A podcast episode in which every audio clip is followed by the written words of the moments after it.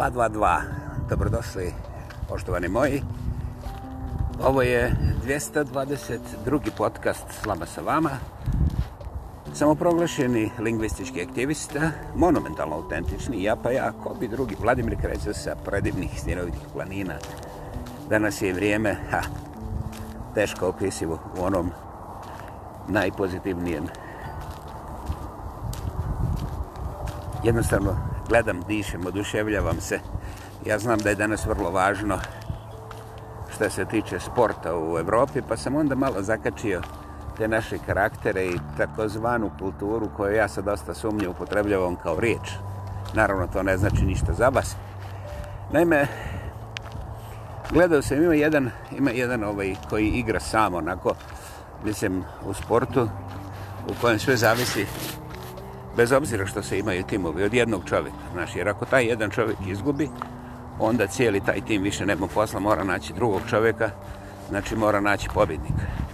Drugim riječima, nema pregovora, nema nagodbe, nema vijećanja, nema glasanja, nema preglasavanja, nema ubjeđivanja, nema jednostavno ništa od onoga što je naša svakodnevnica i ovoga prosto je surovo koliko ti individualni sportovi bez obzira koliko su neki onako baš bogati, ipak u svojoj suštini jesu surovi jer čovjeku ne ostavljaju ni jedan jedini milimetar manevra lijevo ili desno. Izgubiš, nisi više tu.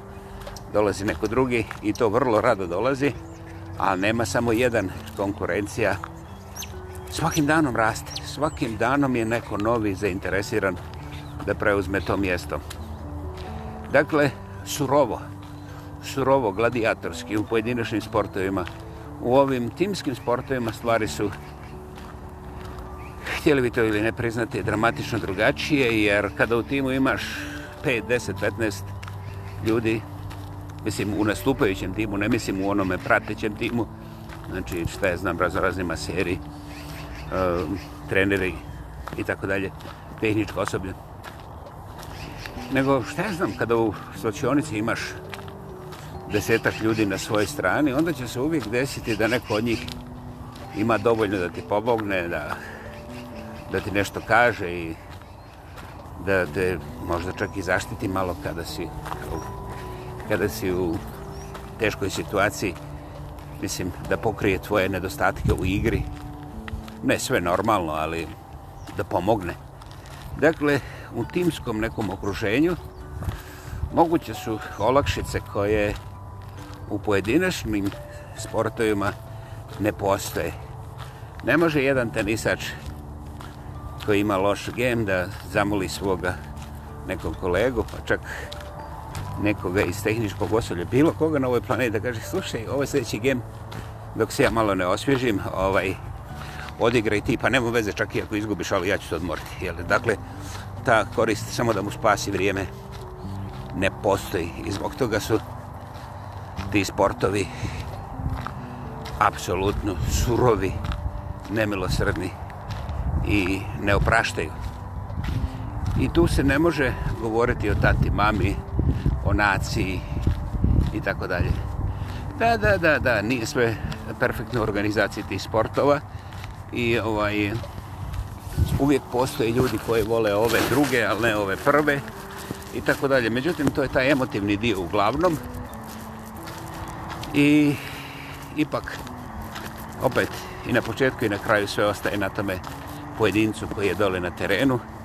Ako se izbori za pobjedu prolazi, ako se prelagodi, uspio je, ako ne, bez obzira što je čak i igrao bolje, um, onaj veći kolač odlazi na drugu stranu i nema razgovora. Sve je završeno prije nego što je počelo. Eto, u tom i takvom okruženju dole iz regije ima nekoliko apsolutno fantastičnih ljudi koji po svim teorijama nisu imali ni šansu da se rode tamo, nego su morali biti negdje, valjda sa, šta znam, engleskog dvora ili američke bijele kuće ili barem iz Japana. Međutim, nisu.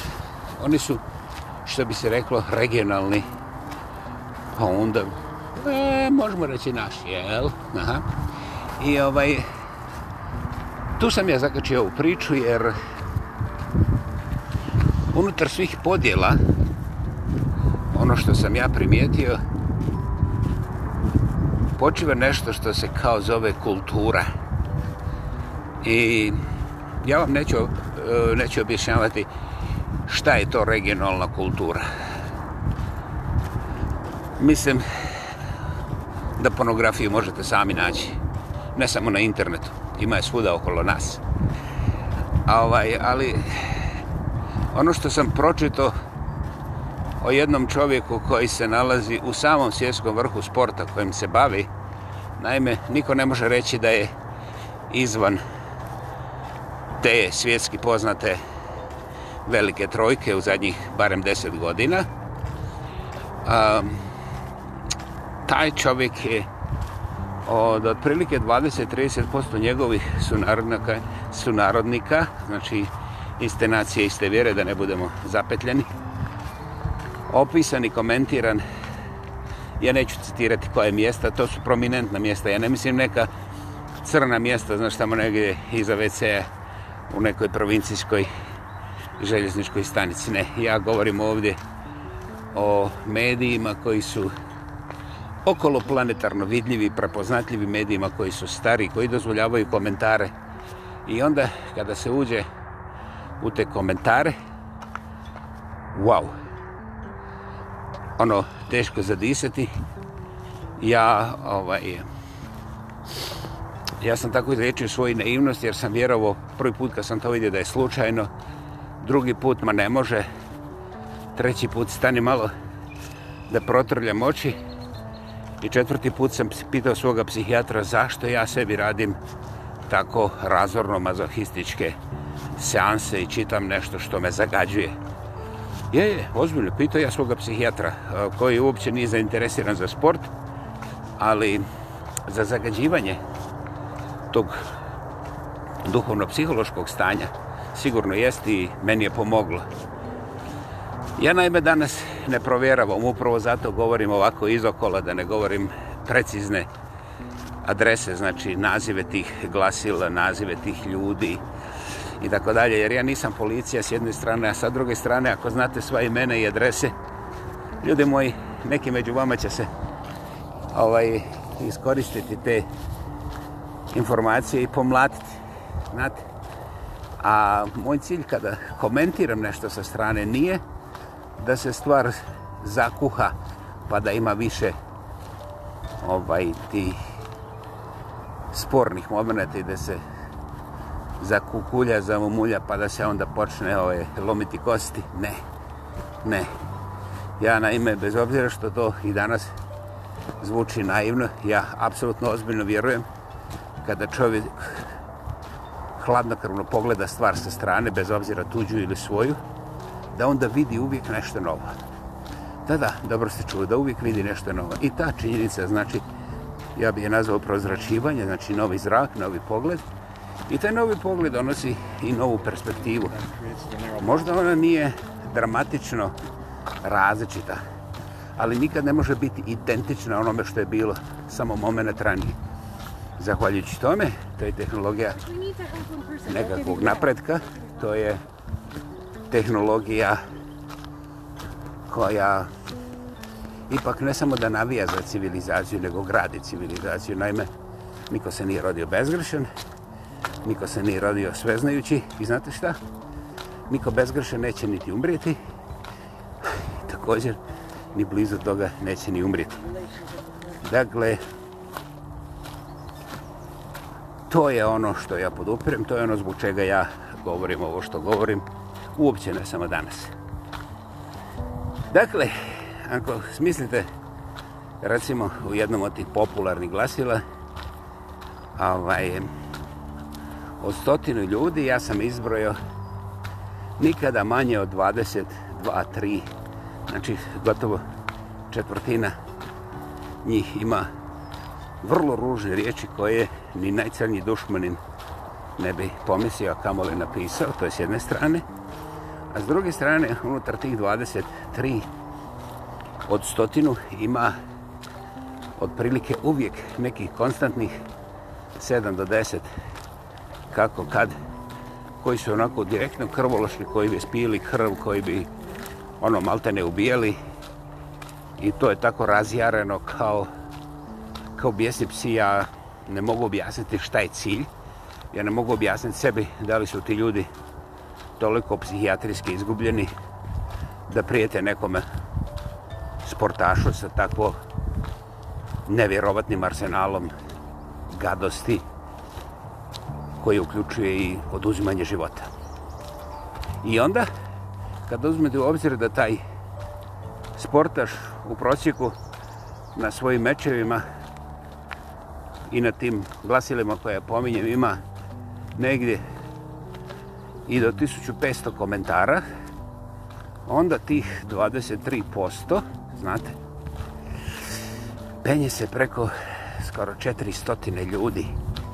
Znate, to je jedna mala armija ljudi koji jednog od najboljih sportaša koji je ikad rođen u toj naciji, u tom okruženju, jednostavno ne podnosi Ja sam slušao neke druge koji su mi rekli kako ja ne razumijem taj riječnik, kako je to u stvari izraz nekakve ljubavi. I normalno ja se nisam mogu izboriti da objavim, objasnim ljudima da ovaj znaš, meni je jasno da postoje sadisti i mazohisti. Međutim, kada sadizam i mazohizam izađu bilo gdje izvan privatnog okruženja, znači intimnog, tamo negdje jedan čovjek, jedna žena, dobro, može i u druge kombinacije, izvolite. Ja znam da postaje, nema veze, to me ne zanima. Ovaj, znači, kada to izađe vani na ulicu ili pogotovo kada izađe u riječnik, onda to postaje čak i krivično dijelo, znate, jer prijetnja, prijetnja bilo kakvom opasnošću za život, bilo kome, svakdje u, u ovom modernom svijetu se tretira kao ozbiljna ugroza i naravno samim tim postaje i krivično dijelo. Dakle, niste čovjeka dodirnuli, ali ste mu zaprijetili i stvar je već ozbiljno nakaradna i sasvim ozbiljno kontrazakona. Recimo u Kanadi, ovo je samo za kraj jedna ilustracija, prije sedam godina na relaciji noćni autobus koji je vozio između Eh, albertanskog eh, glavnog grada Edmontona prema Saskatchewanu, Saskatoon, dole u Saskatchewanu. Usred noći autobus je stao na jednom odmorištu i jedan putnik je ovome drugom putniku koji bi ispred njega uzeo glavu, doslovce oštar nož i odrezao mu glavu, iznio glavu sa sobom zajedno vani, valjda da se odmora. Taj čovjek je danas, da, da, samo prije sedam godine, to možete naći u novinom arhivima svegdje, taj čovjek je danas slobodan čovjek.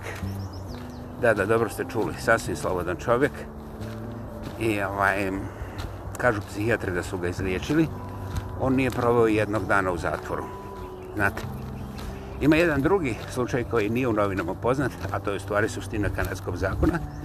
Naime, Htio sam reći da kada čovjek nekoga ubije, da je to puno lakše odvjetnicima za odbraniti, jer postoje najrazličitiji mogući razlozi. Ja ne govorim da li su oni precizno točni, kvalitetni i već nabrajete kakvi. Međutim, čini se da u kanadskom zakonodavstvu, ako ubiješ čovjeka, bez obzira kakve su okolnosti, statistički u prosjeku, nećeš biti u Bojbokani čak niti 10 godina. Međutim, ako prijetiš čovjeku, znate, onda postoje čak i takve varijante koje se govore, znaš, ako mu prijetiš sa tihim glasom i sa povišenim glasom ili sa nervozno viknjevom, da, da, da, postoji ta kozmetička ovaj strana priče. Znači, ako prijetiš čovjeku, onda možeš glatko dobiti 3 do 5 godina zatvora, dobro ste čuli, I ono što je zanimljivo, E, sudovi imaju tendenciju da ne popuštaju kada ti ljudi završaju u zatvoru, znači zbog prijetnje, nije nikom, ništa, ništa se nije desilo osim što je osoba A prijetila osobi B. I sudovi onda imaju tendenciju da ne popuštaju. Naime, ti ljudi koji dobiju tu kaznu koja je mandatorija, jeli, ovaj 3 do 5 godina, zavisno kako sudovi kažu, oni je izdržavaju izdržavaju u nivou od 98%. Znači, samo 2% popusta ima kad se gleda statistički, gotovo ništa. Dok recimo, ovi drugi, ovi regularni ubojice, ne mislim na one specijalce koji su bili pet ljudi i više i tako dalje, a imamo i jednog takvoga, bože moj, ovdje u Kalgariju, koji je također slobodan danas, iako ni on u zatvoru nije provao puno. Dakle, ovaj, Ono što je zanimljivo, ubojice, takozvane regularne, ovaj koji ubio ženu, ubio strica, znaš, ubio posjetioca, šta je znam šta se desilo, ubojice imaju taj popust kasnije ovaj razno razna pomilovanja u obično od koje kazne preko preko 44 45 procenata.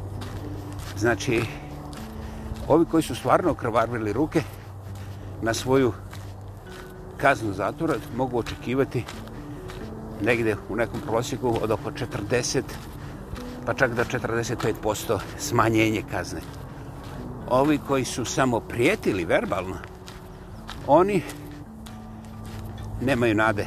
Mislim, čak i ako dobiju taj maksimalni 1 ili 2% koji se odnosi na ove ljude koji su imali specijalne uvjete, recimo da li je bolest, da li je uh, znaš, situacija u familiji, da li je uh, masu, masu drugih mogućnosti ekstremnih. Ovaj, iako masa tih ekstremnih uopće ne radi kod ove kazne, ova kazna kada je izračena je doista kazna koju ćete odslužiti. Poruka je vrlo jasna. Kanadsko pravosuđe želi da spriječi bilo kakvu krv prije nego što se ubojica pokrene. I sa moje strane gledano, Ja ne znam kakav bi izgledao perfektan, idealan pravosudni sustav, ali ja se osjećam dobro, iako mi je jezičina dugačka. I ja sam ovaj, vjerovatno bio barem desetak puta kandidat za ovu verbalnu kriminalistiku.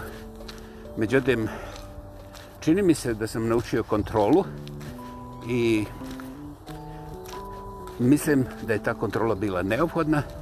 Zbog toga što kad se čovjek, kako ono narod kaže, zapali, kad počne da prijeti, onda postoji moment kada više čak i da hoće ne može nazad jer se zapalio, jer je isprovociran, adrenalin je ovaj, i kortizol su poplavili mozak i čovjek onda se ponaša kao debilna mašina, dakle melja ispred sebe ili će biti samljeven. Dakle, ja mislim da je to velika nesreća bez obzira šta je izazvalo tu recimo nazovimo je nervozu. I u tom smislu ja podržavam kanadski zakon u cijelosti, jer ako ona je od zatvor na 5 godina, to ipak nije 15, a, onda druga stvar, on će se iz zatvora vratiti i morat će da vodi račun o svojoj jezičini, to će, to će htio ili ne htio morate da prihvati, a sa druge strane, ovi koji su bili predmet njegove prednje, će biti na miru, plaćat će uredno svoj porez i njihove familije neće morati da na groblju traže nikakvu utjehu, a neće morati da traže ni nikakvu osvetu, onako privatno govoreći negdje iza leđa.